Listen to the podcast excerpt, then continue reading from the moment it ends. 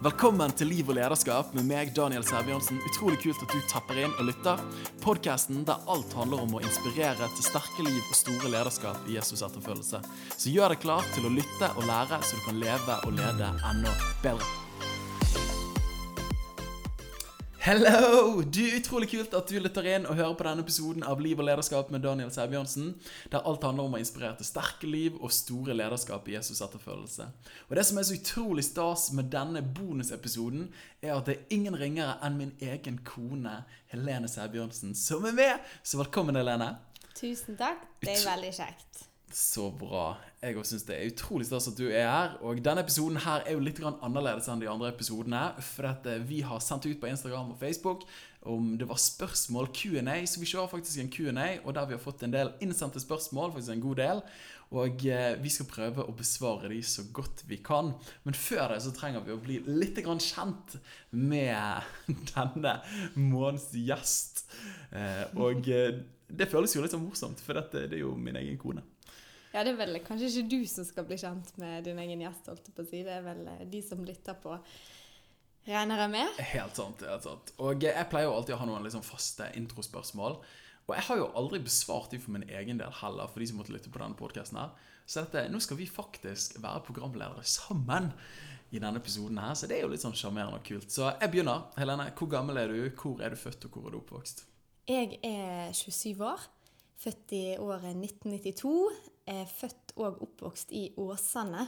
Den bydel som, eh, som, vi er så heldige å få lov å plante en kirke i. Ja. ja. Og du da, min gode mann? Hadde aldri trodd du skulle spørre. Uh, jeg, altså jeg er jo født i det herrens år 1992, jeg òg. Uh, jeg kommer fra samme bydel som deg. Vi er fra samme bydel, og vi har oppvokst i samme bydel. Og uh, nå skal ikke vi flette ut hele vår kjærlighetshistorie, for det blir jo neste spørsmål. Sivilstatus, gift og barn. Men det hører med til fortellingen at vi har forholdsvis lik bakgrunn. Ja, jeg eh, Ja, absolutt. Eh, vi har vokst opp i samme kirke. Eh, foreldre som har vært venner, vært til Syden sammen. Så det at, ja da, vi har jo opplevd mange av de samme tingene. Helt sant. og så vi var kanskje ikke altfor tøffe. Vi gikk ikke så veldig langt for å finne vår ektefelle, men veldig fornøyd med valget. Du, vi er jo gift. Vi har en jente på ett år og ti måneder. Snart. Og så, hva er det du går og bærer på, Helene? Jeg er så heldig at jeg får bære på en liten lillebror som skal ut om halvannen måned. Så det gleder vi oss veldig til. Ja. Det blir stor stas. Utdannelsen din, Helene? Jeg er utdannet eh, fiskehelsebiolog, eller kanskje lettere fiskeveterinær, så jeg jobber eh, hovedsakelig mot oppdrettsnæringen eh, i Norge. Ja. Og trives med det. Mm. Og jobber i et firma som heter så mye sånn? Movi. Det er tidligere Marin Harvest. Så at Helen er fiskelege. Og, det, og jeg må jo si at, at, når vi kommer rundt og introduserer oss og blir kjent med folk, så syns alle at din jobb er mye mer spennende enn min jobb.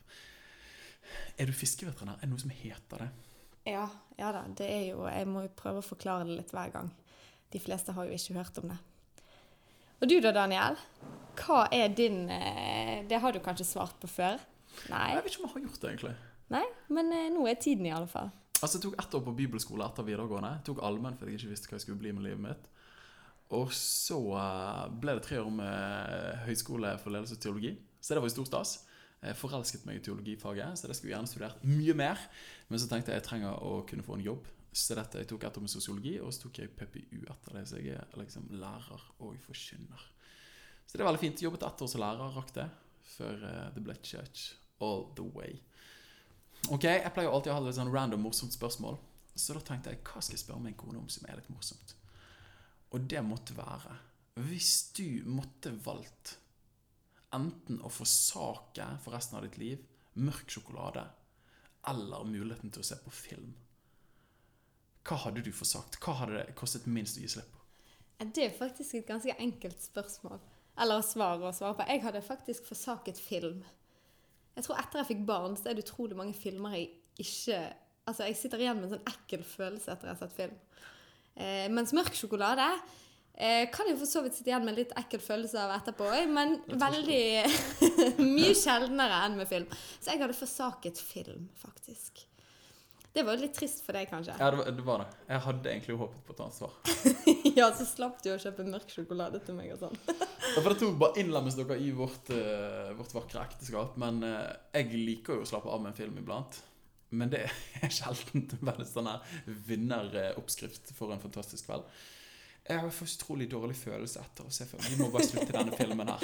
Men så skal høre du med til historien at jeg vinner jo aldri. Jeg får jo aldri bestemme hva film vi skal se. Så det, du kan jo ramse opp eh, hvilke tre kategorier av film som eh, vi ser på, da. Eh, vi ser actionthrillere. Og så ser vi actionthrillere, og så ser vi actionthrillere. Ja, Og det innebærer da eh, narko eller Midtøsten eller andre verdenskrig. Så det, Nå svarte jo jeg nesten på et sånn random morsomt spørsmål for deg òg. For det er jo de filmene du liker. Ja, det er faktisk sant. Uff a meg. Dette, dette høres ikke bra ut. Ja, men du, da er det mm, mitt randomme spørsmål til deg, Daniel. Oi. Det er eh, Hvis du skulle hatt et kjæledyr Uff. Hvis vår familie skulle hatt et kjæledyr, hvilket eh, kjæledyr skulle det vært?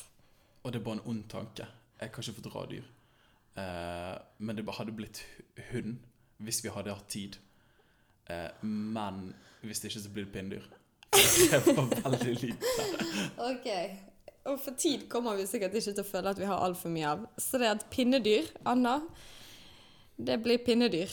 Det blir pinndyr, og det er jo stor stas. Husker mamma de ga det til oss. Og eh, ja. De ga det til oss, og sa vi, fikk, vi hadde lyst på hund, men vi fikk pinndyr. Um, jeg tror de tenkte akkurat som meg der. Det vi gjorde jo vi òg. Det sier kanskje litt om hvor lik vår bakgrunn var. Eh, Vi òg fikk pinnedyr. Uff meg, altså. All right. Du, vi kunne fortsatt snakke lenge. Nå håper jeg at dere har blitt litt bedre kjent med oss. Eh, Jeg er jo strålende fornøyd med denne symbiosen som vi to danner i dette ekteskapet her, og vår familie. Så jeg håper at dere òg syns det er artig. Men eh, vi har fått inn faktisk en hel del spennende spørsmål, så vi skal prøve å svare etter beste evne. Og vi må jo bare si det i utgangspunktet at vi er jo ingen eksperter, men vi har lyst til å gjøre så godt vi kan. eh, Med den bakgrunnen vi har i møte med liv og lederskap og alt in between. Så Vi har delt spørsmålet inn i fem ulike overskrifter. Og hold dere fast, her kommer de. Det kommer i Første overskrift er tro, den andre er forhold, den tredje er Familie, er lederskap og forkynnelse. forkynnelse. Den siste. Jeg gleder meg til hva du skal si, Helene. Det blir spennende. Ja, det kan jo være at jeg blir eh, den som stiller spørsmål, mer enn den som svarer på de. Men eh, det får vi jo se når eh, vi kommer så langt ned på listen. Så først må vi bare si tusen takk for alle sendte inn spørsmål. Eh, så klart er alt anonymt, eh, og det kan være at vi har refraset noen av spørsmålene, men vi prøver så godt vi kan på å besvare de. All right, første spørsmål ut, og nå går vi gjennom tro-kategorien. Vi hopper rett inn i den. Helene, første spørsmål vi har fått inn er hvordan kan vi fortelle budskapet om Jesus i hverdagen? Jeg syns jo det er et uh, glitrende spørsmål, for vi alle har jo en hverdag. Og vi har jo Jesus. Eller uh, de av oss som tror, i alle fall. Så det at da er det, jo en, uh, er det jo et spørsmål som angår oss alle. Altså Det første som slår ned i meg, er jo bare at, at vi tror jo at Jesus har svar på alle de spørsmål og alle de situasjoner som ethvert menneske står i i sin hverdag. Og da tenker jeg at eh, det å kunne få lov å bruke de spørsmålene og de situasjonene som de menneskene rundt oss bærer på, til å kunne på en måte få lov å løfte frem eh, fortellingen om Jesus, tenker jeg er jo en, et godt sted å starte. Mm. Så jeg tenker, har folk eh, vondt i kroppene sine, eller har de problemer i relasjoner, eller uansett hva det måtte være, så kan man liksom gjennom det de står i, prøve å få lov å si noen ord om Jesus.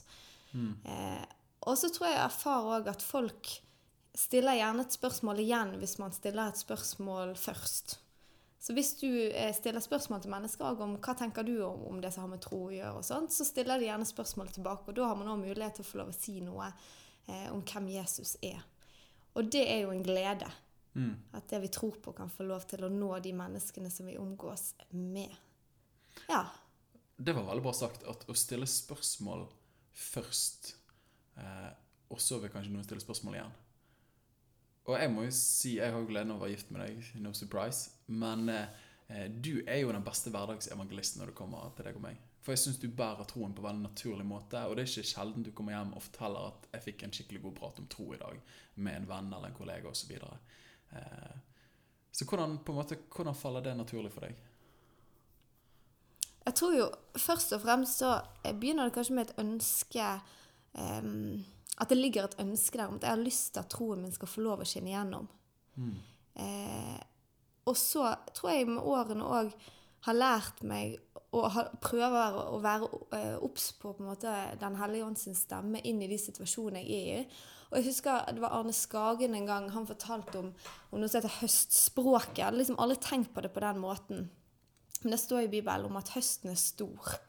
Um, og at mennesker de snakker et høstspråk som vi må lære å fange opp. Og høsten er moden. Høsten er moden. Mm. Så det at det, det, språket er der. Uh, og da uh, husker jeg han sa liksom noe så enkelt som at ja, når folk kommer til deg og kanskje sier de, åh, oh, jeg er så lei av dette, eller den personen har sagt det, eller på en måte begynner å brette ut om livet sitt, så er det egentlig høstspråket de snakker. Mm.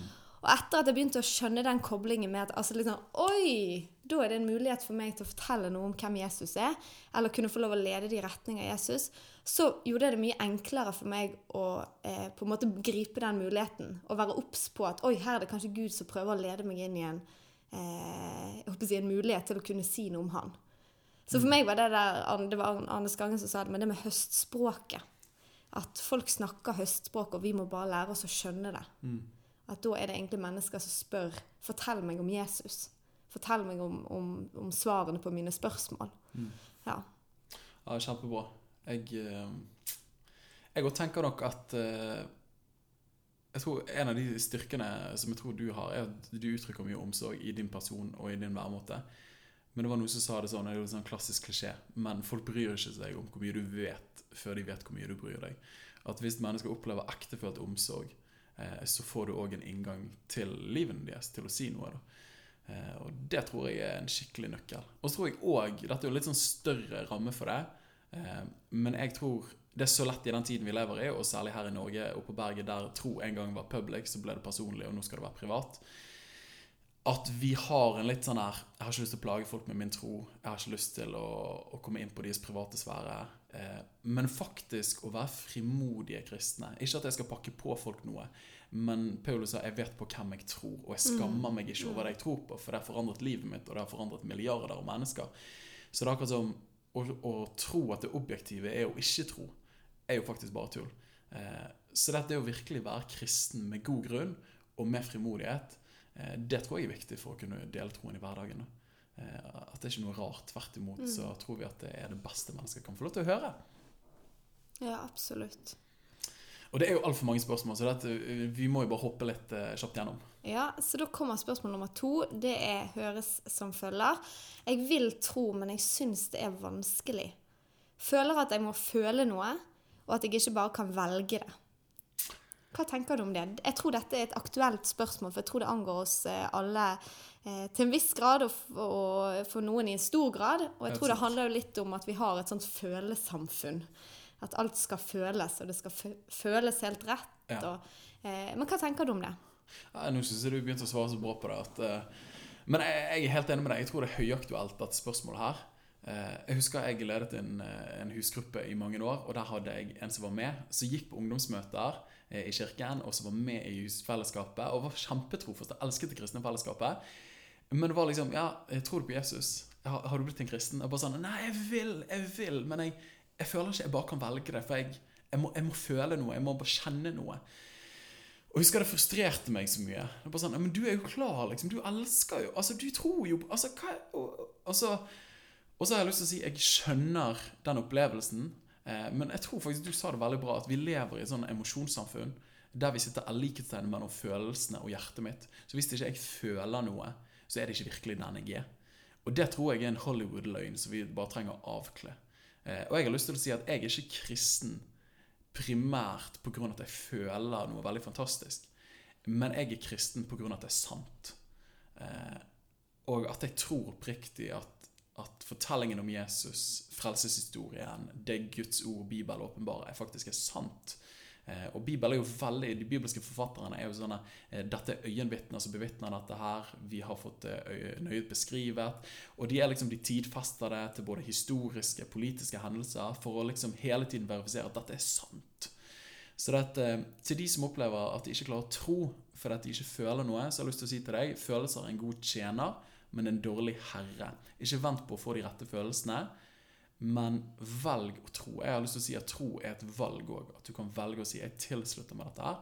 jeg er en kristen, jeg tror på disse sannhetene her, og jeg vil leve livet mitt etter dette her, da. Og det er litt sånn eh, med følelser.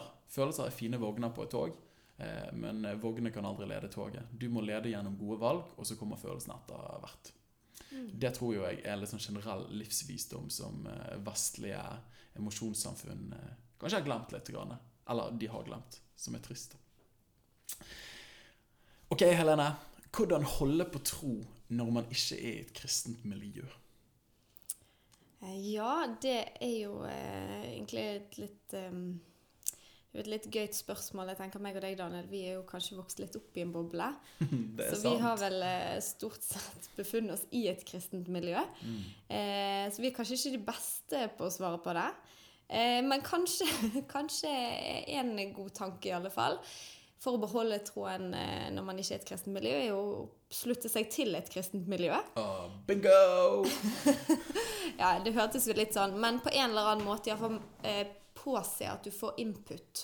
Og det kan jo skje på mange ulike måter. Jeg tør påstå å si at har man mulighet til å møte folk regelmessig, så er jo det absolutt det beste. Men òg det sant, vi har jo, lever i en tid av eh, masse tilgang både på eh, podcaster, taler, musikk. Altså bare passe på at man får eh, input, da. Og vi lever jo heller ikke i et land som, som har, der det er forbudt å eie en bibel.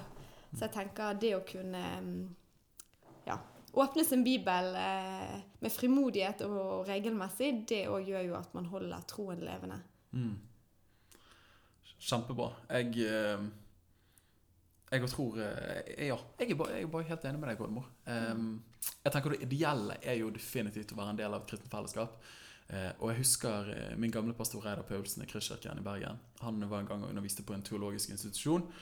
Og så spurte de han er det mulig å være kristen uten å være en del av menighet. Og så sier han det eminente. Uh, jeg vet ikke. Bibelen snakker ikke om det. og det er jo veldig fint sagt. Uh, så klart går det an å være troende uten å være en fast del av et kristent fellesskap. Men det er ikke normen for det kristne livet. Så jeg har forståelse for folk som er i førstegangstjeneste, folk som er i ekstraordinære omstendigheter. Kanskje det er krevende, de har ikke mulighet til det for en tid av sitt liv. Men jeg tenker jevnt over så er det viktig å være forplantet i en lokalkirke eh, og være en del av en familie, en trosfamilie. Da. Eh, men hvis man ikke har mulighet til det, så er det som du sier, mulig å få input eh, alle mulige veier, og mest av alt eh, ha et dypt liv i Bibel og bønn. Og Det slår vi et litt sånn slag for, for vi tror ikke at det er 2000 late eller eh, 19 pil og bue. eh, Men vi tror at eh, Bibel og Guds ord er tidløst og er kjernedisipliner i et kristent liv. Og det føles litt sånn godt Jeg kjenner jeg, jeg vet ikke, du vet jo det, men jeg kjenner jeg har litt sånn behov for å være litt sånn motkulturell, motstrøms av og til. Det bare føles godt å si ting. Ja, absolutt. Men jeg tror òg at eh, Jeg tror spørsmålet er hyperaktuelt. Ja. Eh, for eh, jeg tror jo veldig mange Vi har jo vært heldige på den måten at eh, jeg syns jo eh, for så vidt eh, Eller jeg ble tatt tilbake til når jeg gikk på videregående, for da kom jeg fra Danielsen ungdomsskole. Jeg tror de sa ca. 60% var kristen, personlig kristen. Og så flyttet jeg til videregående, og da begynte jeg i klasse med en som sa at han syntes det var så utrolig godt å gå på den skolen, for der var det flere kristne. Og da var det kanskje 15 Kanskje det var 10% kristne, da. Så jeg, for meg gikk det jo fra 60% til 10% så for meg var det jo en, en skole der det var mye færre kristne. Men han gikk fra kun han som kristen på sin skole, på ungdomsskolen, og til plutselig så var det liksom ti andre kanskje da, som var kristne. Så det at, jeg tror jo at dette spørsmålet er jo eh, aktuelt for veldig mange, for det er ikke alle som bor eh, på sånne steder at det kanskje er så lett Ja. å ha så mange i nærheten av seg. Og selvfølgelig er det da mer krevende. Eh, så det er det jo eh, Ja. Helt sant. Stor forståelse og respekt Ja. for eh, de som De bor som på Ja. steder der det ikke er så mye kristent fellesskap av noe slag. Da. Um, ok. Da skal du få det, er det siste spørsmålet som er kommet inn under eh, den kategorien som vi har tenkt som tro. Og det er jo et litt sånn, kanskje på en måte litt åpent eh, spørsmål, men det er finnes det nyanser? Eller er alt svart eller hvitt? Hva tenker du om det, Daniel? Altså, hadde jeg vært eh, 17 år nå, eller eh, 15-16 Altså Daniel som 15-16-17-åring? ja, Og de som kjente meg da, jeg hadde stort krøllete hår, jeg hadde ikke klessmak og hadde et stort kors som hang på brystet. Det var liksom eh, Selg alt du eier, og, og, og følg Jesus. Ja, ett sett med bukser nesten. Ja, altså Vi gikk jo på og- ungdomsskole sammen. Du husker jo den gutten. Vi satt alltid ved siden av hverandre, eller på sånne eh, skolebilder. Ja. Så var etternavnene våre var eh, i rekkefølge, holdt jeg på å si. Så vi har liksom fulgt hverandre med skolebildene fra år til år. Så vi har jo sett hvordan vi har utviklet oss til det bedre. Ja, Det, det tror jeg vi trygt kan si. I hvert fall meg. Jeg vil si at du har alltid sett bra ut. Um, Takk, takk. altså, jeg, jeg, Her snakker vi Daniel 2-0, 3-0, 4-0. Altså, det har skjedd noe her. Um, Ja ja, men det er jo fint at det går den veien. det er bra. Det Jeg måtte jeg- fortsette å gå den Ja veien. ja, det tror vi. Fra herlighet til herlighet. Så ja, det var bibelspråk. Halleluja. Du, Finnes det nyanser, eller er alt svart eller hvitt? Dette er jo et filosofisk spørsmål eh, til en viss grad.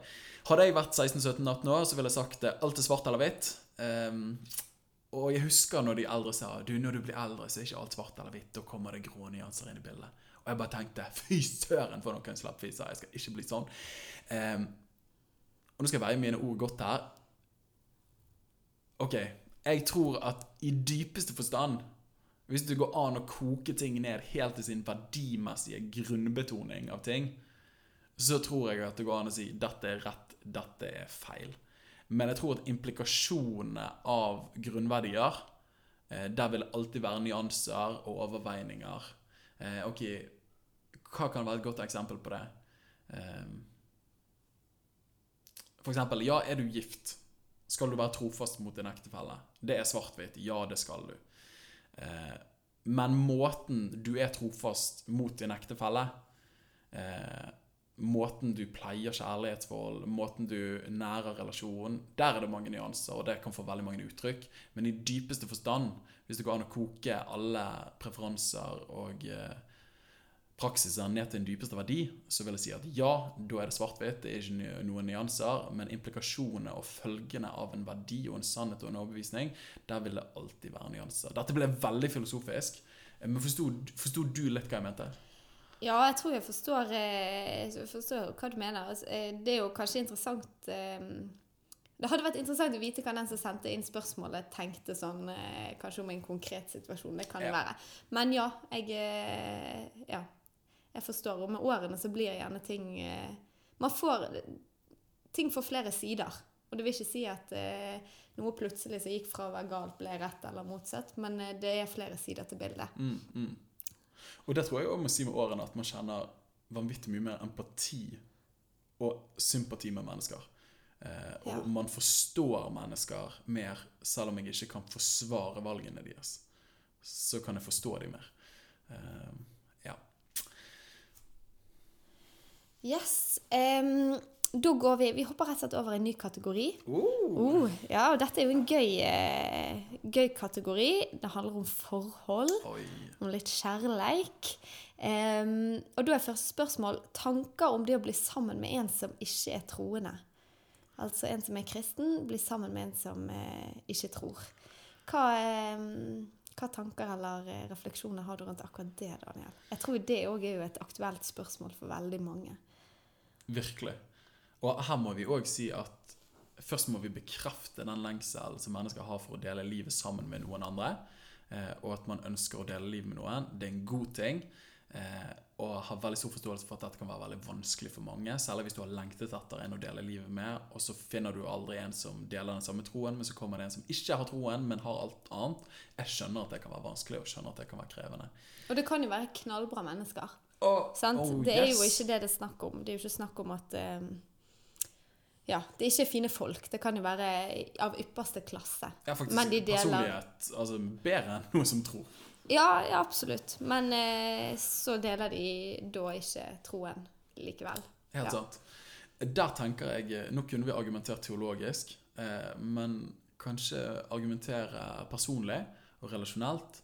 Så vil jeg si at for min del, som en kristen, som en, som en aktiv, personlig kristen, så er troen det er uten tvil det viktigste i livet mitt.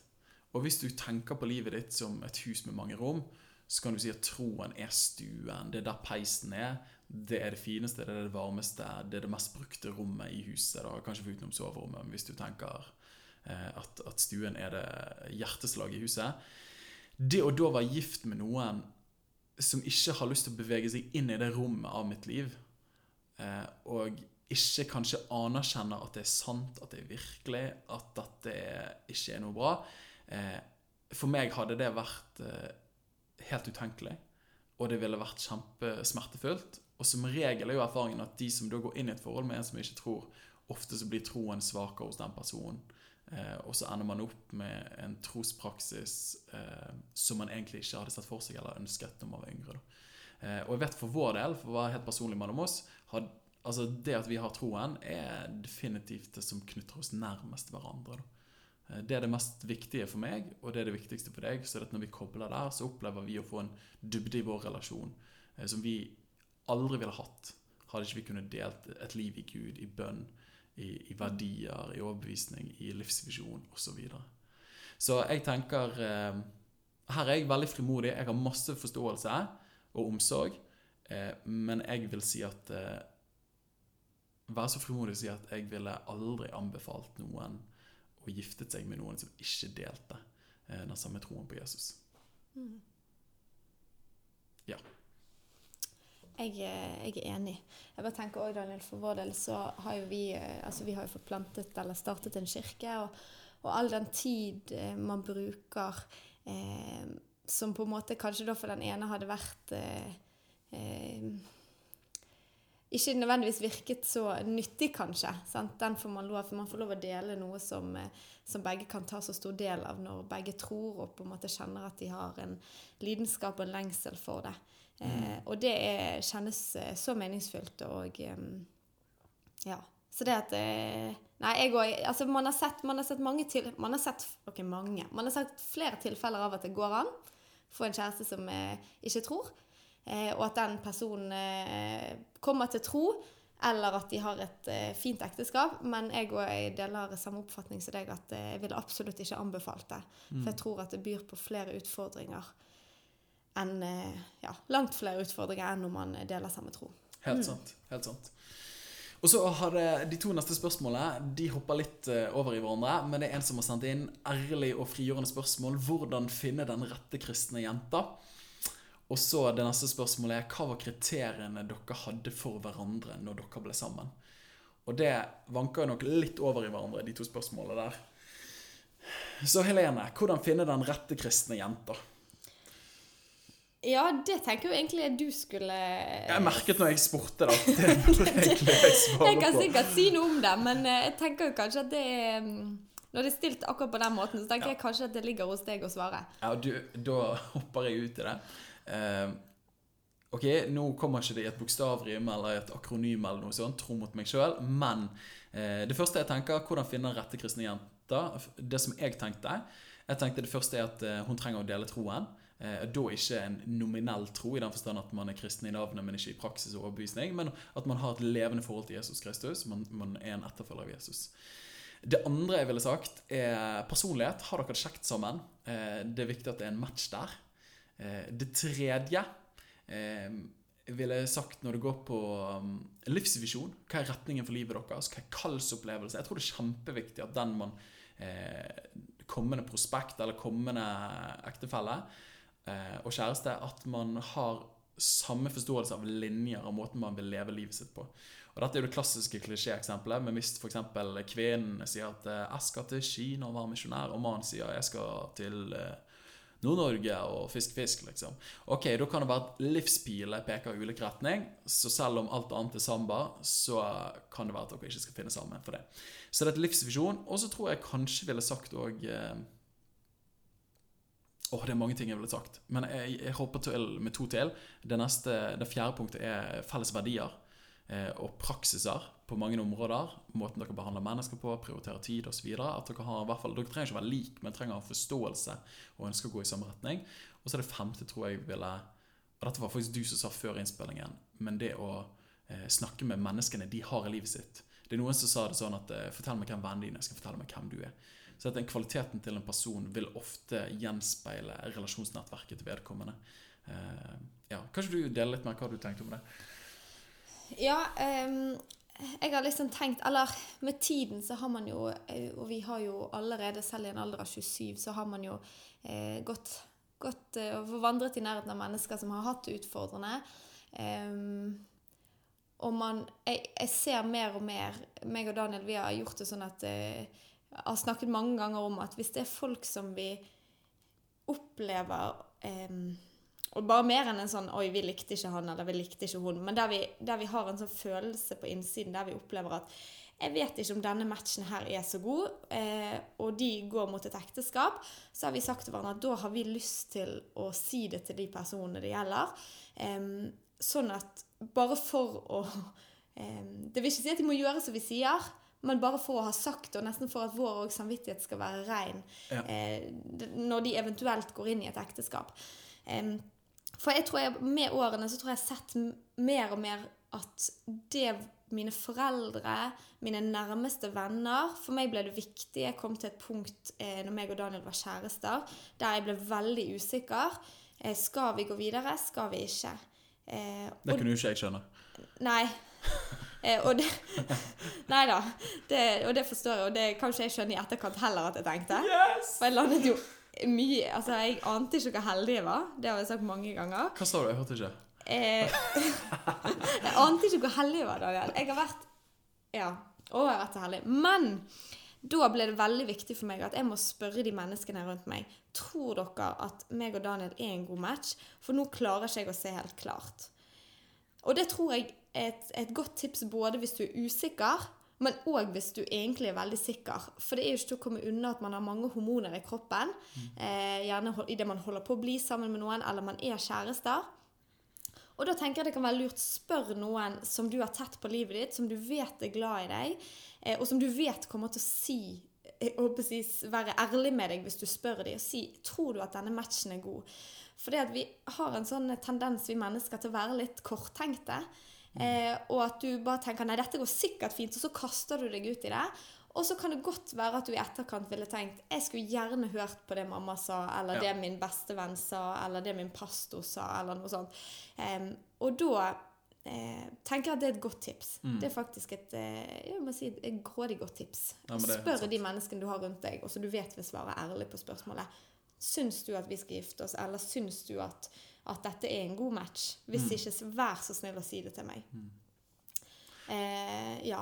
Det andre jeg tenkte på, det var i forbindelse med at eh, jeg var så usikker på om det skulle bli oss, og da dukket jo på en hel haug med spørsmål. Mm. Og jeg hadde lagd meg en sånn der en snodig tanke om at eh, jeg har gått tre år på en naturbruksskole, og jeg funnet ut at min framtidige ektemann, han eh, måtte være veldig sånn villmarkstype. Mm. Og det fikk du. Eh, ja Jeg vet ikke helt om det var akkurat det jeg fikk. Men det som var vittig, det var jo at det ble liksom en sånn stor tanke for meg. Og så når jeg etter hvert fikk tenkt mer på den, så innså jeg jo at jeg var jo ikke veldig villmarkstype sjøl. Og, og meg og Daniel har jo i etterkant ikke vært så veldig Jo, vi har jo eh, likt å være ute i det fri og sånt, men det er liksom ikke det som har kommet høyest opp på listen. Nei, det. Så det å, å faktisk òg tenke sånn Hva bryr jeg meg egentlig om? Eh, og da kommer jeg frem til at jeg bryr meg mye mer om hvordan Daniel er med mine venner, framfor om han hadde vært en veldig villmarkstype. Så kom egentlig andre ting høyere opp på listen. Så det òg å være litt sånn flink med å vurdere, eller snakke med folk og vurdere hva kriterier har jeg egentlig, og så ikke lage altfor mange sånne veldig, veldig spesielle kriterier. Ja, det, det tror jeg er bra sagt. Fordi da blir listen grådig lang, og utvalget meget snevert. Da begynner du å fiske i en sånn bitte liten dam. Ja. Det tror jeg er sant. Det er ikke alltid så enkelt, da. Og det er jo, Jeg skjønner jo til Helene fikk kalde føtter. For det når vi begynte å date Jeg husker en gang vi skulle uh, ut og ake.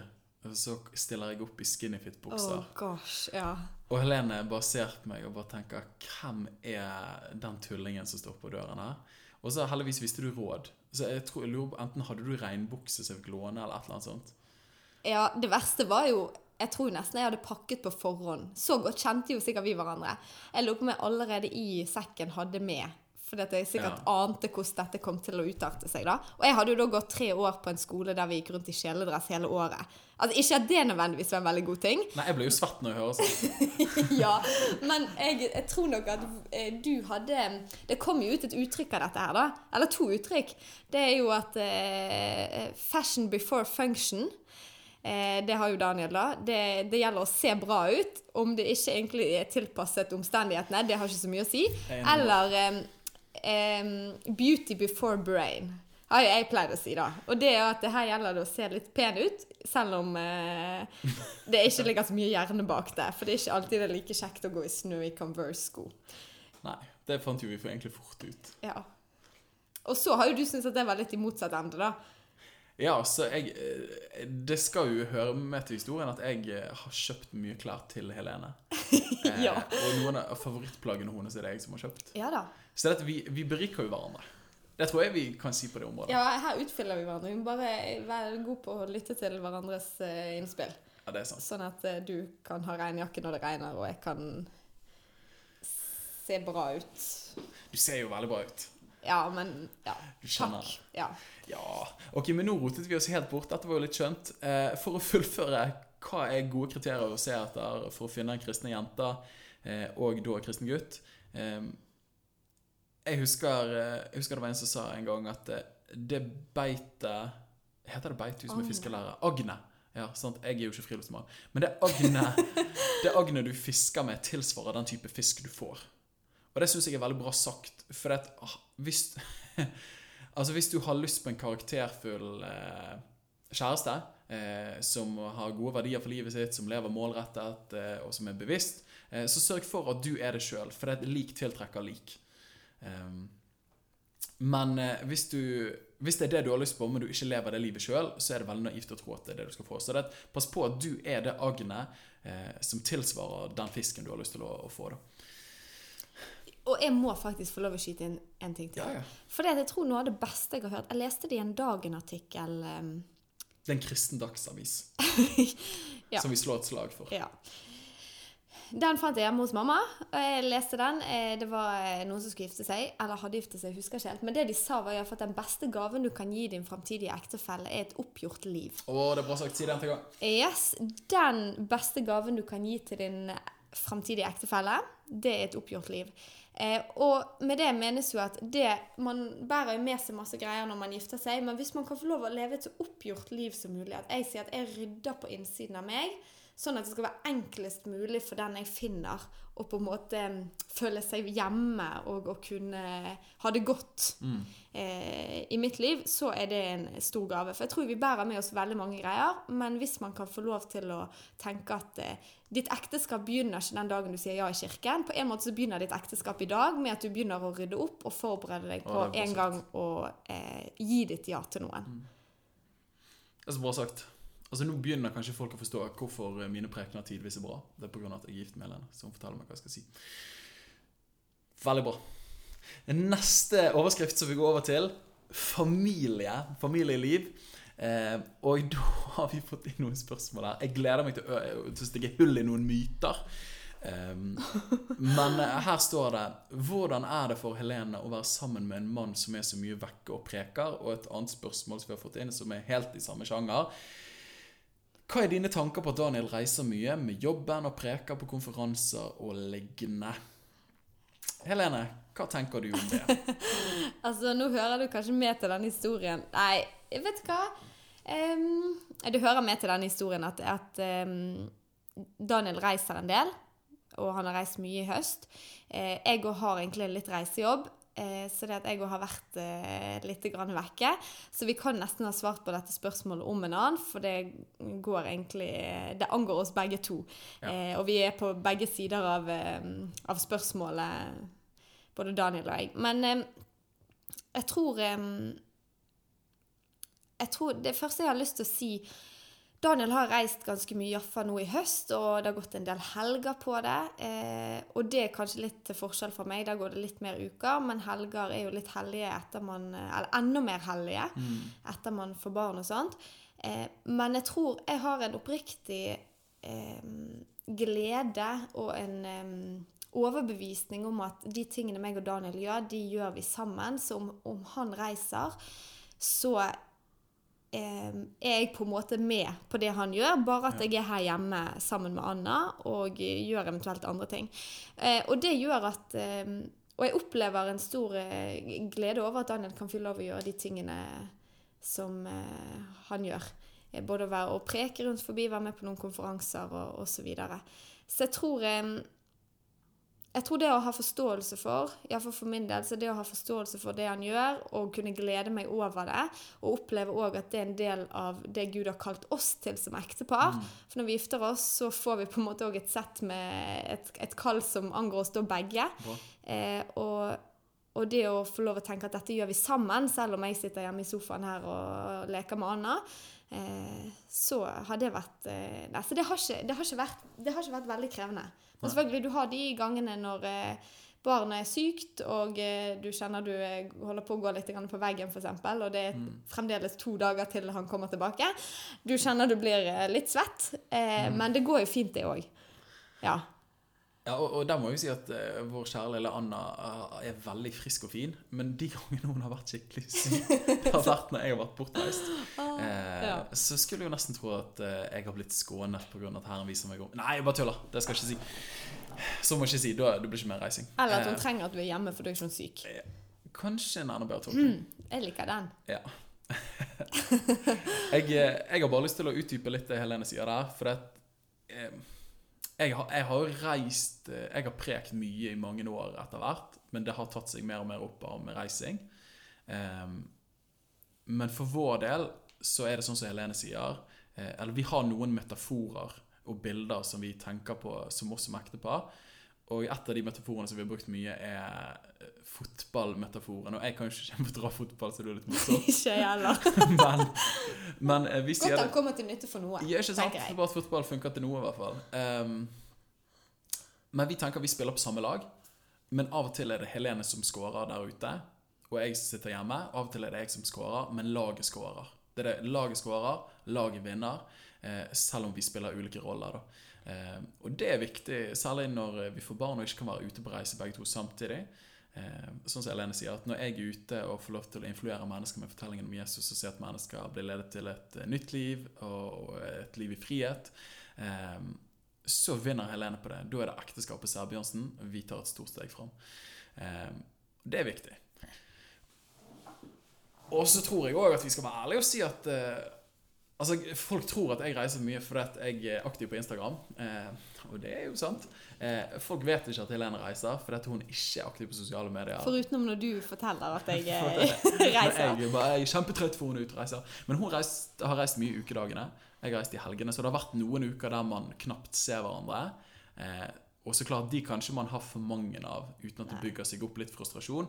Eh, men vi skal snakke mer om det på neste spørsmål, og det leder oss inn til det. Men hvordan tar dere avgjørelser på hvor mye reising, hvor mange kvelder, netter jeg og Helene skal være borte når dere har barn? da? Um, kan ikke du si noe om livsplanleggingen vår der, Helene? Eh, jo, det kan jeg gjøre.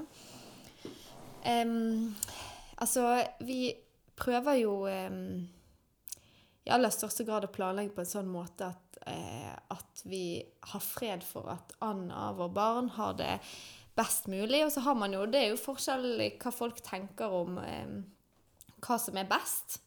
Men vi har liksom gjort oss noen tanker rundt det. Og så prøver vi å planlegge på en sånn måte at vi kjenner at da kan vi ha fred i at ok, de beslutningene vi tar, eh, de eh, er gode for sånn som vi ønsker at vår familie skal være. Mm. Eh, og så er dette jo ikke et påfunn som jeg har. Daniel er den definitivt en visjonær av oss. Eh, men for eh, Jeg vet ikke hvor lenge siden det er. Det er noen år siden sikkert. Tre år siden. Sikkert tre år siden, kanskje. Ja, etter vi giftet oss. Ganske rett etter vi giftet oss, tror jeg. Ja, Så begynte vi på en måte å tenke at ok, vi, vi eh, har lyst til å maksimere tiden vår, men vi har også lyst til å være fornøyd med de valgene vi tar. Hvordan kan vi gjøre det? Eh, både maksimere, eh, maksimere, tiden vår, men òg eh, talentene våre, ressursene våre, alt det vi har. Eh, hvordan kan vi gjøre det? Jo, vi må planlegge litt. Mm. Og da har vi begynt å, å, planlegge både når det kommer fra semester til semester, men òg månedsplanlegging. At en gang i måneden så snakker vi gjennom hvordan måneden har vært, den som har gått, og hvordan den neste måneden ser ut. Eh, og så òg ned på ukesplanlegging, da.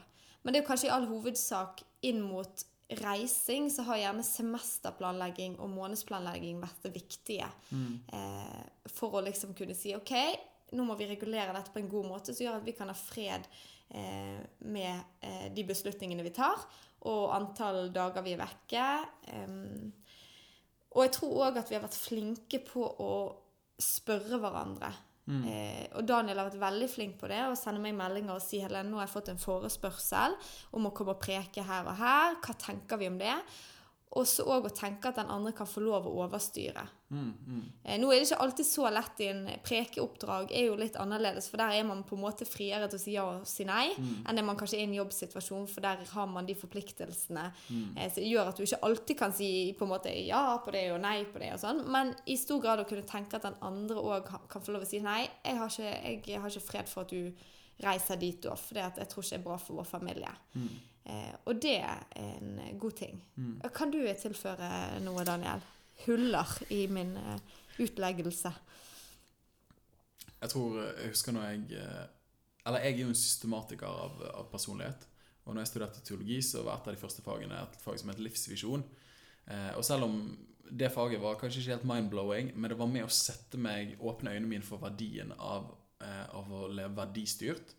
Eh, eller ga meg språk på noe som jeg allerede kjente var viktig, eh, og viktigheten av å planlegge med enden i tankene.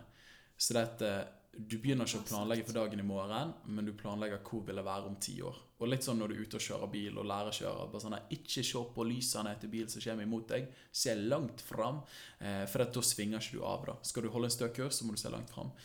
Eh, så dette semesterplanlegging, månedsplanlegging og den kjappe ukesplanleggingen eh, er med å fjerne frustrasjon eh, og dårlige forhastede valg. Og det som har vært viktig for oss, er at vi har verdiprioritering, altså bakgrunn for tidsstyringen vår og prioriteringene våre. At det er styrt ut fra verdier. Eh, Hvis ikke det er det, så er det lett for at det blir spontanavgjørelser, og det kan ofte bli en dyr pris å betale i det lange løp.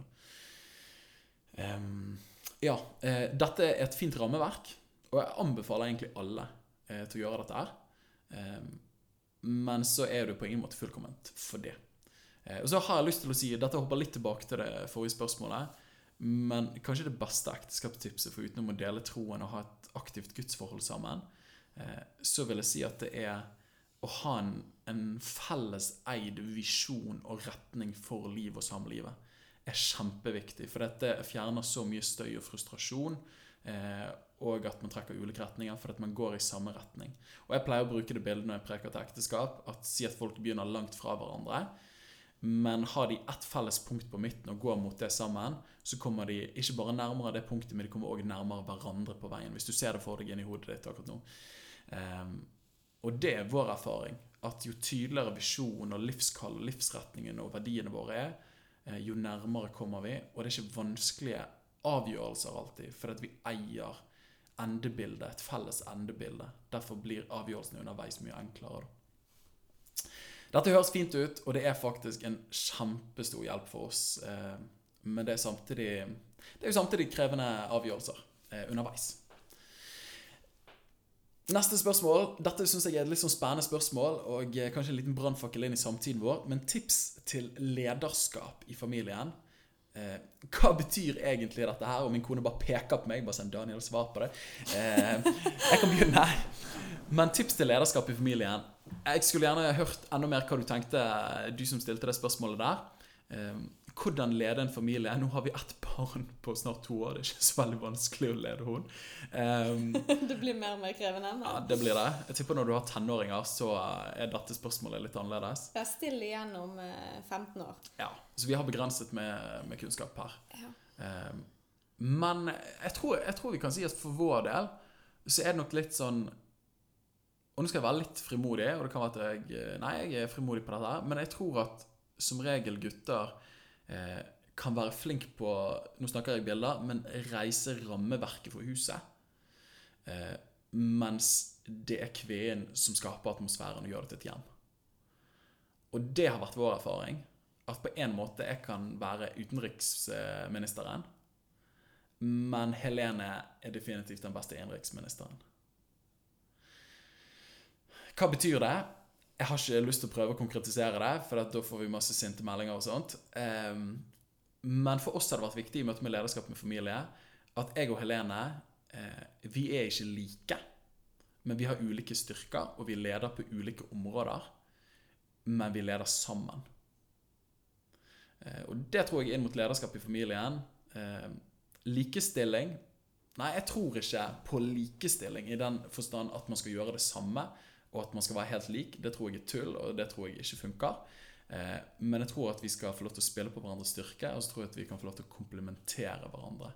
Eh, ja, det er vår erfaring. Eh, og, og eh, ja Har du lyst til å hjelpe meg? Nei, du har ikke lyst til å hjelpe meg. Eh, ja, la oss lede sammen som mann og kvinne. Veldig tro på det. Og at man komplementerer hverandre, og ikke prøver å ape etter hverandre. Yes, og så tror jeg det er viktig å lytte og lære, sånn at man kan leve og lede sammen. Det var fire l-er på slutten der. Ok, Helene. Dere virker så happy på Instagram. Har dere tøffe dager, dere òg? Eh, ja, altså det er jo fint med sånne her eh, spørsmål eh, som blir sendt inn, for det at eh, du får jo mulighet til å si mange Du virker som veldig mange lure ting. Og så kan man jo framstille, sette opp et bilde av at alt er veldig fint og flott. Så det, det er jo godt når sånne spørsmål som dette òg kommer. Em, for på Instagram der er jo Helene mer enn hun, eh, mer enn hun naturlig hadde vært. Hvis det var hun som styrte Instagram-kontoen. Det kan vi jo bare være helt ærlige med å si. Og de som kjenner meg, vet jo absolutt det. Jeg har en Instagram-konto. Følger eh, tre personer. Jeg lagde den for deg, jo ikke jeg? Ja, Daniel lagde den for meg, og jeg, eh, det var bare for at han sa Helene, du må jo se hva jeg legger ut. Så jeg har en Instagram-konto bare for å følge med på hva Daniel legger ut. Um, så det at um, Vi kan jo si at um, Jo, det er jo noen tøffe dager òg. Mm. Absolutt. Så det, det Instagram viser, blir jo fort et glansbilde av sånn som ting er. Og det er sikkert noen av dere kommer til å merke etter at jeg har sagt det jeg sier nå. Det er jo at en del ganger sier jeg ingenting. Eller er veldig kort med det jeg sier. Og da er det jo kanskje et tegn på at jeg først har på en måte prøvd å si til Daniel ingen Instagram nå. Og så kommer mobilen opp likevel, og så tenker jeg shoot, jeg må jo være litt grei mann, så jeg smiler jo likevel, men det er jo egentlig et litt falskt smil. Oi, oi, oi. Eh, for da har jo jeg allerede egentlig tenkt at det er ikke Instagram nå, men der kom mobilen, da. Eh, så det at det, jo da. um, hvis man em, Ja da. Dette vet jo du, dette vet jo du godt om, Jeg har betalt en høy pris for Instagram-aktiviteten min. Du har betalt en høyere pris. Ja, det, ja. Men eh, jo da, tøffe dager er det jo òg. Og eh, jeg tror jo etter man får barn òg, så skvises man jo mer både med tiden sin og med, med følelsene sine og prioriteringer og alt sånn. Så det at eh, eh, man går jo noen runder, og vi lærer hverandre bedre å kjenne. Eh, det fine er jo eh, skulle til å si det, er jo kanskje på en måte tatt ut av sin kontekst, men det står i Guds ord at alt virker til det gode for de som elsker Gud. Og jeg tenker også, Hvis man kan bruke det inn i dette her òg, så er det sånn at ok, uansett hva du møter, det kan bli til noe veldig fint. Så det at eh, erfaringen vår er jo at ok, noen tøffe dager kommer, og da eh, vet vi at det kan komme noe godt ut på andre siden. Ja. Da kan vi lære hverandre bedre å kjenne, og vi kan bli bedre kjent med oss sjøl. Og eh, ja. Ja. Har du noe å tilføre? Jeg, jeg er helt eh, enig. Jeg, vi har hatt et uh, veldig harmonisk ekteskap. Og, og det tror jeg mye på grunn av at vi uh, har de samme verdiene, og de har de samme visjonene og retningen for livet. Eh, Hatt de samme pinnedyrene, hatt, ja. vært samme sted i Spania. Altså, Helene og de sin familie var vår nærmeste barndomsvennefamilie. Så det at eh, Jeg spurte Helene først i syvende klasse om vi skulle bli kjærester, og da sa hun nei. Eh, og så spurte hun ett år etter videregående igjen. Eh, halvannet år etter. Og da sa hun ja. Så dette vi har på, må- Jeg har på en måte siklet etter henne hele mitt liv. Så det er, altså jeg, er, jeg er bare en stor takknemlig mann hver eneste dag. Nja Jeg vet nå ikke. Du går mot det, i alle fall. OK. Eh, men du, vi må hoppe videre, for dette er jo gøy- altså, eh, å snakke om familie og snakke om forhold er jo veldig kjekt. Men eh, det er jo flere spørsmål stilt, eh, og nå hopper vi over i kategorien lederskap. Eh, og der kommer noen spennende spørsmål. Vi hopper inn i det første. Det er hvilken hvilke egenskaper er viktig å ha som pastorpar. Og da er jo eh, de som har stilt spørsmålet, kjenner jo sikkert oss, og vet jo at vi eh, får lov til å være startet en kirke og få lov til å på en måte fungere som et pastorpar i den forsamlingen som vi eh, leder, da. Så Daniel, egenskaper viktig å ha som pastorpar. Hva er det første som slår ned i deg? Og det andre og tredje, Ja, det første som slår ned i meg, er at eh, dette, her, her er det ingen fasitsvar. Uh, tenker jeg, når det kommer til hvilke egenskaper er viktig å ha som pastorpar. Um, her tenker jeg at Dette kan være veldig individuelt, og det kan være ektepar som fungerer som pastorpar og står sammen i lederskap som er veldig ulike oss, men som gjør det helt glitrende for det. Så jeg tror ikke det er noen fasit. Jeg, jeg husker vår del når vi skulle, før vi plantet menighet, eller jeg tror vi allerede har begynt, eller vi liksom snikbegynt. Men så sendte de oss på sånn assessment, eh, for om vi liksom fikk rødt, grønt eller gult lys eh, for å gå i gang med å plante en menighet. Eh, og så tok vi personlighetstest, og det var disk-testen vi tok. Og da har liksom D-en for dominant og I for innflytelsesrik, og så har du S for stabiliserende, og så har du K for kvalitetssøkende. Da. Og jeg svarte jeg, Min person ble jo D I i stor grad. Eh, mens Helene sin ble S og K i stor grad. Og husker du, Helene? Hva tenkte du da? Jeg tenkte jo shoot, dette er jo ikke et godt tegn. For jeg tror nok jeg har tenkt liksom at hvis det var noen kvaliteter som gjaldt, eh, så Jeg hadde kanskje ingen tanke om hvilke kvaliteter som gjaldt, men jeg hadde kanskje tenkt at eh, Daniel passer, som pastor. Eh, så når jeg da slo ut på akkurat det motsatte, så tenkte jeg at det er jo nødvendigvis ikke et veldig godt tegn. Mm. og så tenkte jeg jo shoot, dette her er jo ikke sikkert at det er en god match eh, oss imellom. Eh, heldigvis så har jo det vist seg å være feil. Det har jo kanskje vist seg å være meget berikende å være ulike. Helt sant. Eh, og har vi kanskje På den måten har vi kanskje klart å dekke òg et større eh, Vi har klart å nå bredere. Mm. Eh, og se et litt større bilde av at vi ser ulike momenter og elementer. Og, og ser mennesker på ulike måter. Eh, ja. Jeg tror, jeg, tror jeg sant, ja. Og jeg husker eh, Øyvind Augland eh, som en smart mann, og som driver mye med menighetsplanting i Norge. Og har fulgt opp mange planter og fulgt opp oss, blant annet. Han sa at, ehm, at dette her er egentlig et glitrende utgangspunkt fordi at man komplementerer hverandre. Og der tror jeg, eh, For å bruke litt de samme bildene igjen Jeg tror i møte med Passion så har jeg på mange måter reist et rammeverk. Men du har vært med å skape det livet som får alt til å gå rundt. Eh, og eh, folk kan gjerne se en del av det vi holder på med, og så tenke at kanskje at Daniel er flink, men egentlig så er det vi sammen.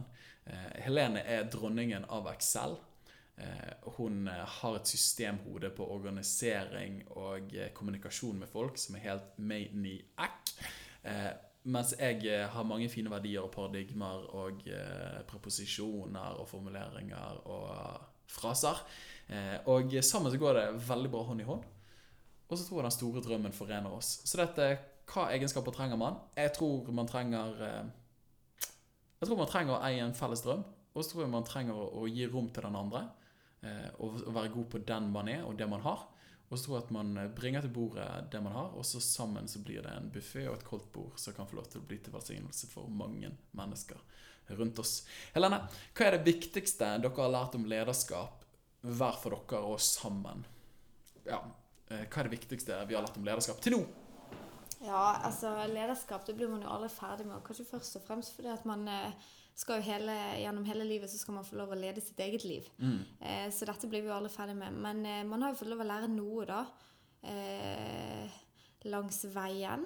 Og jeg tror jeg eh, er mer og mer eh, Blir mer og mer obs på å lære mer og mer betydningen av mennesker. Mm. At det handler om mennesker. Mm. Eh, at man skal få lov til å være med og influere, men òg det at de sier jo det at People don't care how much you know until they know how much you care. det, det var det jeg sa i sted. Yes. Bare du sa det på engelsk. Ja. Jeg har sikkert vi har Er det pga. at det er kulere? Eh, nei, det var bare pga. at eh, Ja, det er jo et godt spørsmål, for jeg tenker mye raskere på norsk. Men akkurat her tenkte jeg da på engelsk. Men eh, John Maxwell mm. Eh, vi har lest litt av han. Han har noen gode lederskapsbøker. Men jeg har innsett mer og mer av at det handler om, om mennesker. Og jeg, jeg, kjenner at jeg lærer det mer og mer, for jeg er eh, skrudd sammen sånn at jeg blir veldig oppgaveorientert. Eh, og har måttet lære meg sjøl i større grad å klare å tenke at eh, det er menneskene jeg leder, mm. som først og fremst betyr noe, og ikke oppgavene jeg har, eller som skal gjøres. Eh, fordi at du kan alltid liksom få ferdig de oppgavene, men hvis du da trekker deg ut, så er ikke det sikkert at noen vil gjøre de oppgavene. Fordi at er ikke, er ikke oppgave, Eller du har investert i oppgaven, men du har ikke investert i menneskene. Eh, så det at eh, jeg innser mer og mer at mennesker eh, Vi er enkelt skrudd sammen på en måte. Vi trenger å bli sett, vi trenger å bli hørt. Eh, vi trenger å føle oss eh, at noen bryr seg om oss. Og da får man ut potensialet av det som ligger der, da. Mm. Eh, ja, Det er iallfall noe av det jeg har lært. Og så har jeg sikkert lært mye mer. Jeg tipper Når du forteller det du har lært, så tenker jeg sånn Shoot, det er egentlig det jeg har lært.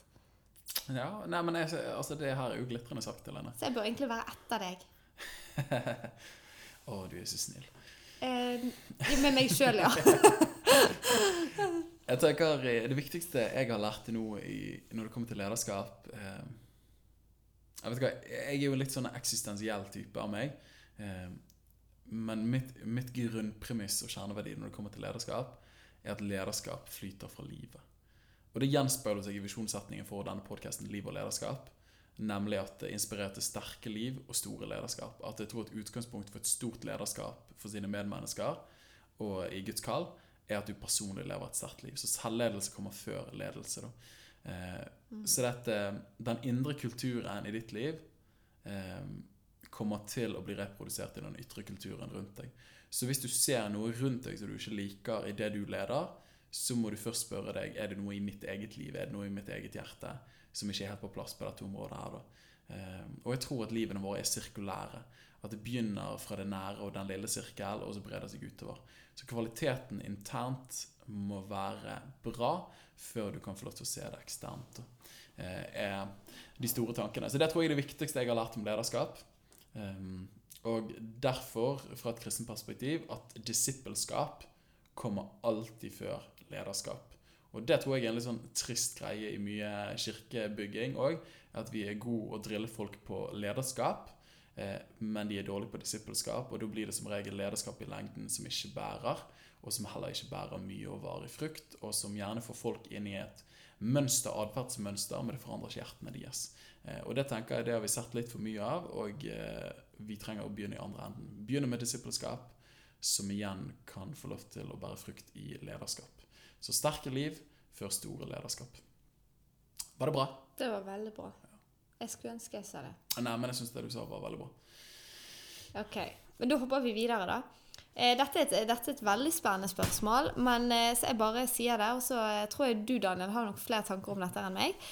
Eh, har dere virkelig troen på kirkeliv med tanke på alle kristne, nei, krisene i fri, frikirkelighet?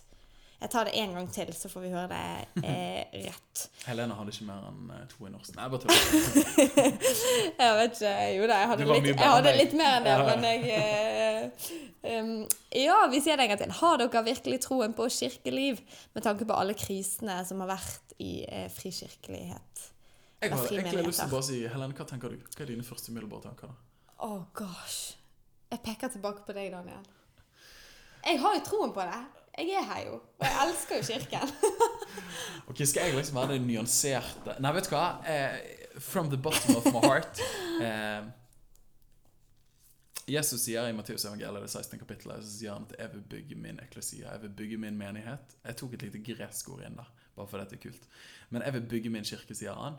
Uh, og dødsrikets porter skal ikke kunne stå seg den imot. Will not prevail against it, for å bruke en engelsk oversettelse.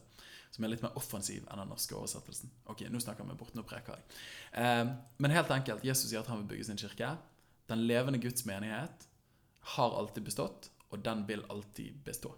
Eh, det er min grunnoverbevisning, og historien har vist oss det.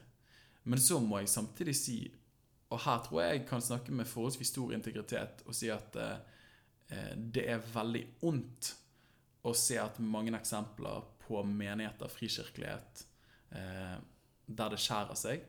Eh, vi har vært i berøring med det personlige, vi, gjennom vår oppvekst og våre sammenhenger vi har bakgrunn fra.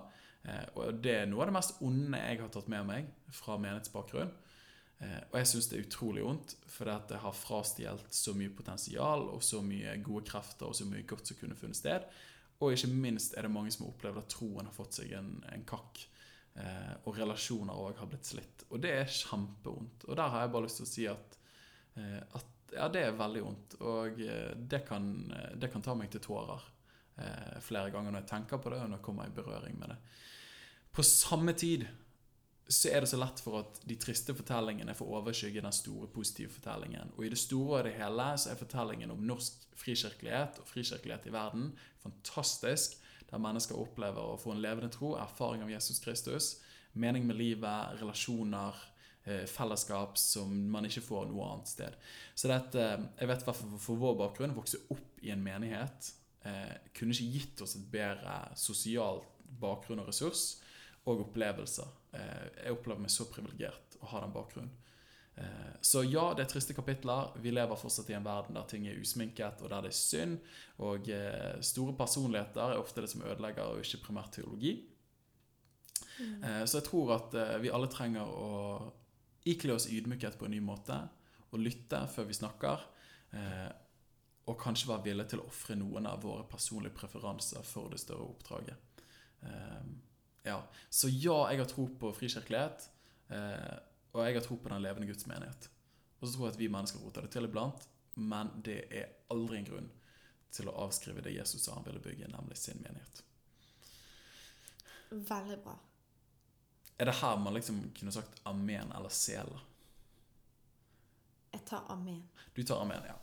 Jeg gjør det. Ok. Em, nå går vi inn på em, et, eh, det siste temaet for podkasten her. Eh, og det er forkynnelse. Og det er vel eh, De fleste av oss skjønner jo hvem det er som har mest å melde her. Det det. Så jeg oppgraderer meg sjøl til programleder. spørsmålsstiller. Og så tror jeg han på andre siden av bordet kan få lov til å være den som svarer på disse spørsmålene. Så kan jeg heller skyte inn noe hvis jeg eh, skulle nå ha eh, et eller annet smart som kom til tankene. Um, ja, for du Daniel, du har jo eh, Over mange år har du prekt, men kanskje de siste årene har du jo prekt mer og mer. Og på en måte at flere og flere sammenhenger og ulike arrangementer, konferanser, at det åpnet seg muligheter for å få lov å preke der. Og det har vært veldig gøy. Og forkynnelse er jo noe du brenner for. Eh, så det at her kommer noen spørsmål til deg, da. Akkurat inn mot forkynnelse. Eh, og det første er hvordan forbereder eh, du en preken? Eller hvordan kan man forberede en preken? Mm. Hva tenker du om det? For det sitter jo sikkert folk her som hører på, og som har lyst til å forberede prekener, eller har lyst til å preke, og som bare litt sånn kommer, hopp, har noen gode tanker, men så er det akkurat som at ting henger ikke helt sammen, eller hvordan skal man legge det fram? For man har jo lyst til at budskapet skal nå de som hører på. Mm, Em, ja. Bare skyt. Bare skyte løs. eh, altså, det folk ikke vet, er at jeg sitter her med min fremste prekenkritiker. Det er jo Helene. Eh, det er jo ingen som tør å si at eh, man preker dårlig, forutenom din ektefelle og din mor. Eh, det, er faktisk ikke tull. Det er de som har ærlig tilbakemelding. Så det er ok, det kan være at Helene skyter inn noen ærlige refleksjoner her. Men hvordan forberede en preken? Um, da har jeg lyst til Åh, det er så mange bøker. Dette er en verden. Nå skal jeg prøve å holde meg i, korthet her. Men John Stott har skrevet en bok 'Between Two Worlds'. Eh, Kanskje den fremste boken jeg har lest om prekenlære. Ble først gitt ut i jeg lurer på om 1986. 1980-tallet i hvert fall. Men når jeg leste den for et par år siden, den er vel så presis i dag. Så jeg anbefaler den. Løp og kjøp. Fantastisk bra. Av en av de mest klartenkte evangelikale lederne i vår tid. En gang okay. til. Hva heter den? 'Between Two Worlds'. Av John Stott. Yes. Den britiske teologen og forkynner og evangelist og hei hvor det går. Du, ehm, han sier det sånn som dette her, at når han blir spurt hvordan forbereder han preken, sier han at det finnes like mange forberedelser på, av en forkynnelse som det finnes forkynnere. Og det tror jeg er veldig bra sagt. Eh, og så sier han at én ting er den tekniske forkynnelsen, eller forberedelsen, hvor mange timer det tar, og hvordan arbeidet er, men hovedsaken når det kommer til min forberedelse, er et liv. Og å sørge for at man har et liv. Livet er den store forberedelsen. Eh, og han sier det sånn at de beste predikantene er de som er de beste pastorene. Så det lev et liv. Eh, og nok en gang tilbake til at lederskap flyter for livet. At eh, Hvordan forberede en preken? Sørg først og fremst for at du lever et forberedt liv. Eh, og at du lever det du preker, osv. Så, eh, så hvordan forberede en preken? Helt teknisk så har jeg fem f-er som er styrende for meg. Det første er fordype.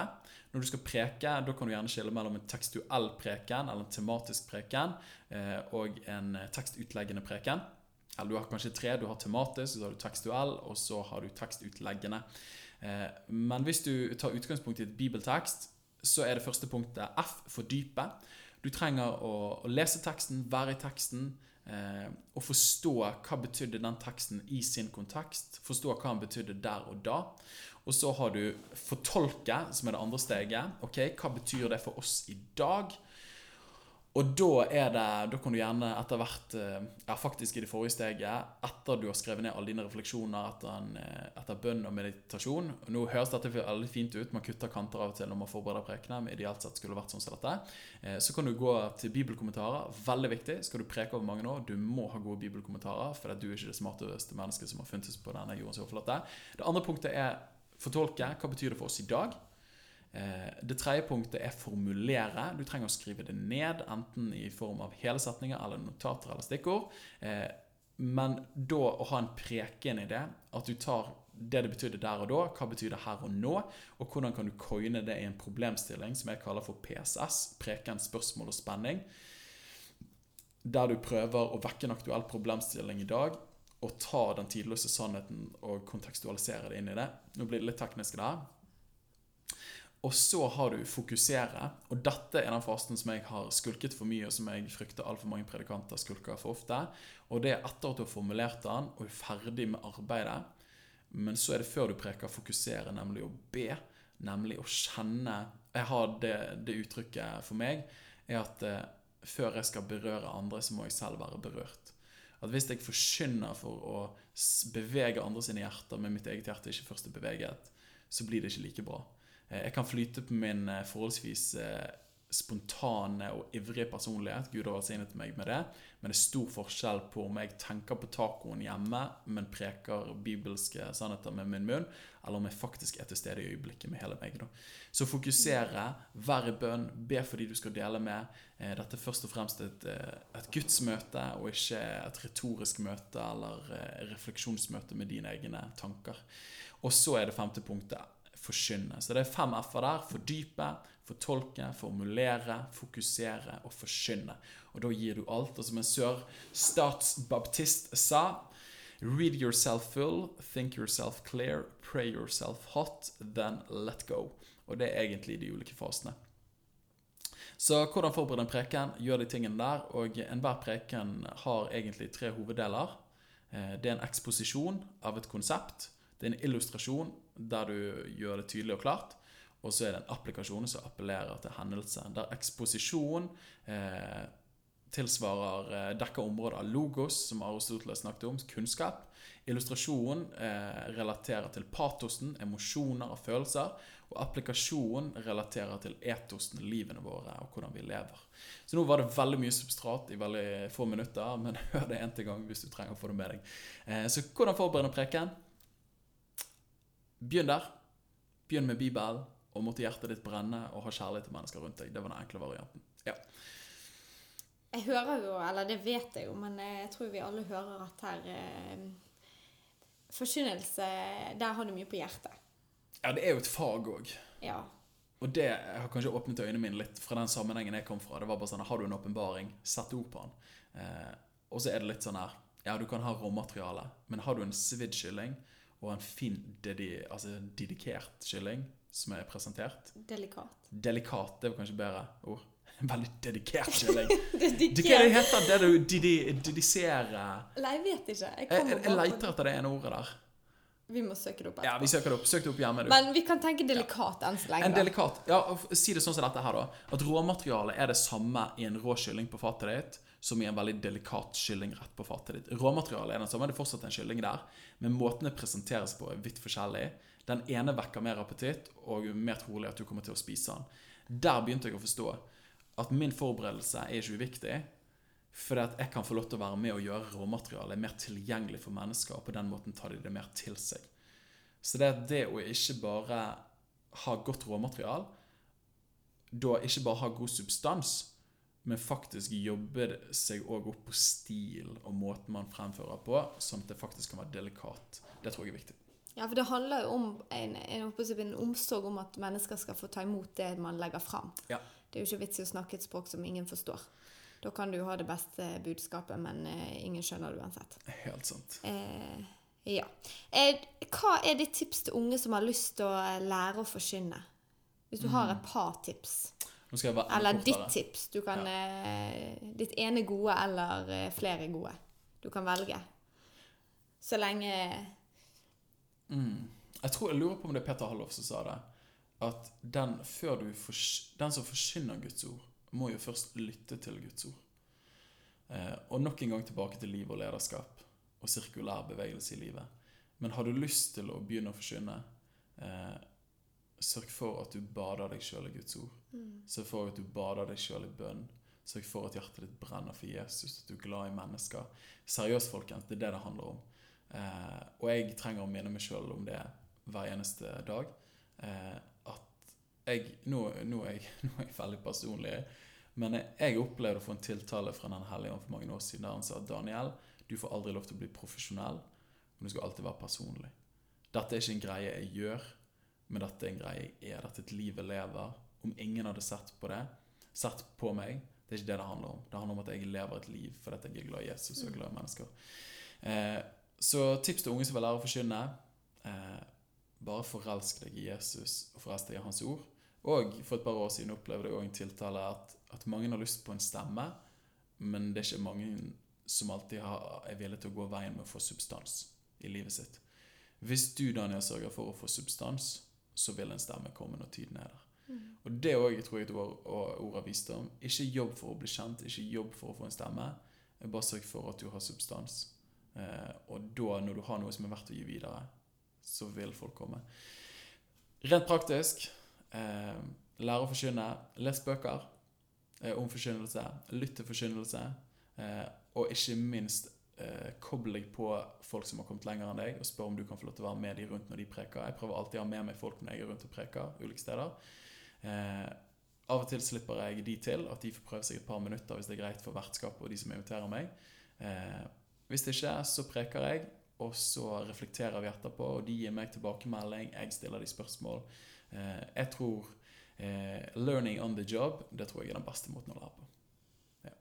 Du er veldig, veldig bra. Jeg må bare skyte inn et sånt spørsmål på siden, for det er jo sånn som jeg tipper mange har eh, lurt på, og som, eh, som jeg òg lurte på, men som jeg, jeg, kanskje lærte litt mer av ettersom du forsynte mer og mer. Men er det sånn at man alltid har en ny preken?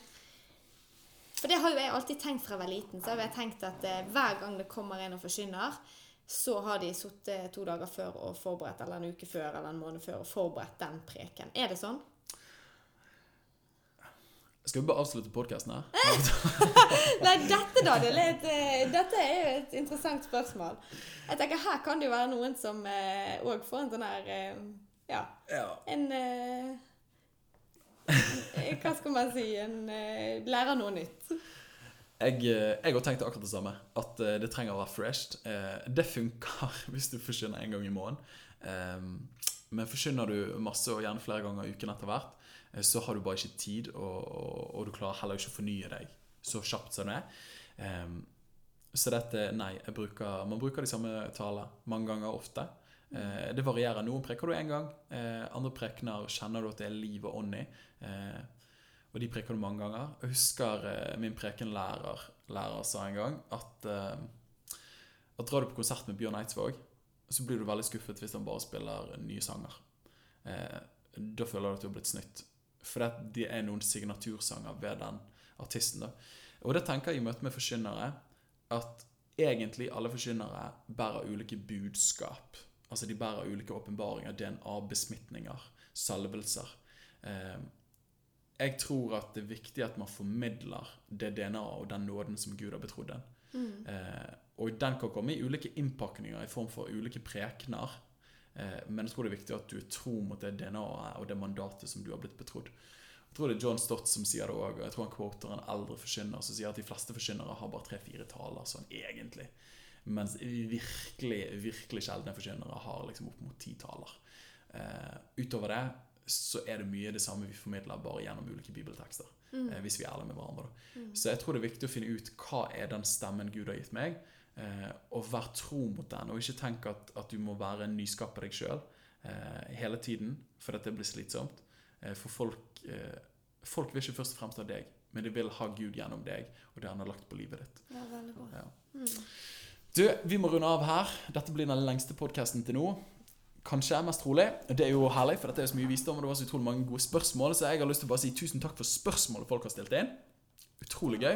Og så er avslutningsspørsmålet som jeg pleier å stille alle mine gjester, og som jeg eh, har lyst til at du skal svare på òg, det er hva ville vært ditt fremste råd til lytterne for å hjelpe dem til sterke liv og større lederskap? Um, ja, altså, vet du hva jeg har lyst til å si eh, da vi, altså, vi lever i en, en, en tid der kanskje generasjoner er mer og mer oppstykket. Men å virkelig ta tilbake det med å ha eh, generasjoner over seg eh, tett på livet. Eh, sterkere liv, større lederskap. Vi trenger ikke gå alle de skrittene som de før oss allerede har gått. Vi kan få lov til å stå på deres skuldre. Så det å ha mennesker i livene sine som man eh, lærer av, som man eh, betror seg til, og som eh, man får lov på en måte å leve sammen med. Jeg tror at det gir oss eh, sterkere liv og større lederskap. Eh, ja. Enkelt og greit. Ja. Tusen takk, Helene, for at eh, du var med i podkasten. Dette var utrolig, utrolig stas. Eh, dette var mye gull. Eh, så nok en gang tusen takk for spørsmålet som ble sendt inn. Dette var utrolig gøy. Jeg og Helene digget det. Eh, vi kommer sikkert til å gjøre det igjen hvis dere vil. Eh, hvis du fikk noe ut av det, gjerne del den videre til noen andre. Og så fortsett å styrke ditt liv og ditt lederskap i etterfølgelse av Jesus. Og så er det jo tiden for å si god jul. Det er tiden for å si god jul. For nå er det faktisk 22. kveld 22. desember. Så det er bare to dager til julaften. Så vi sier god jul, vi. Vi avslutter med å si Feliz jul. Navidad. Feliz Navidad. Hva er god jul på tysk? Vi har tysk Guten begge to. Weihnacht. What a God jul. Merry. Christmas. Takk for at du lyttet inn til Liv og lederskap, og håper at du ble inspirert til å leve sterkere og lede større i Jesus etterfølgelse. Hvis denne episoden ga deg noe, del den veldig gjerne videre til en venn eller to, sånn at de kan bli inspirert. Og husk det at ditt liv, ditt lederskap, betyr en forskjell, så ikke len deg tilbake, men len deg framover. Vi trenger deg.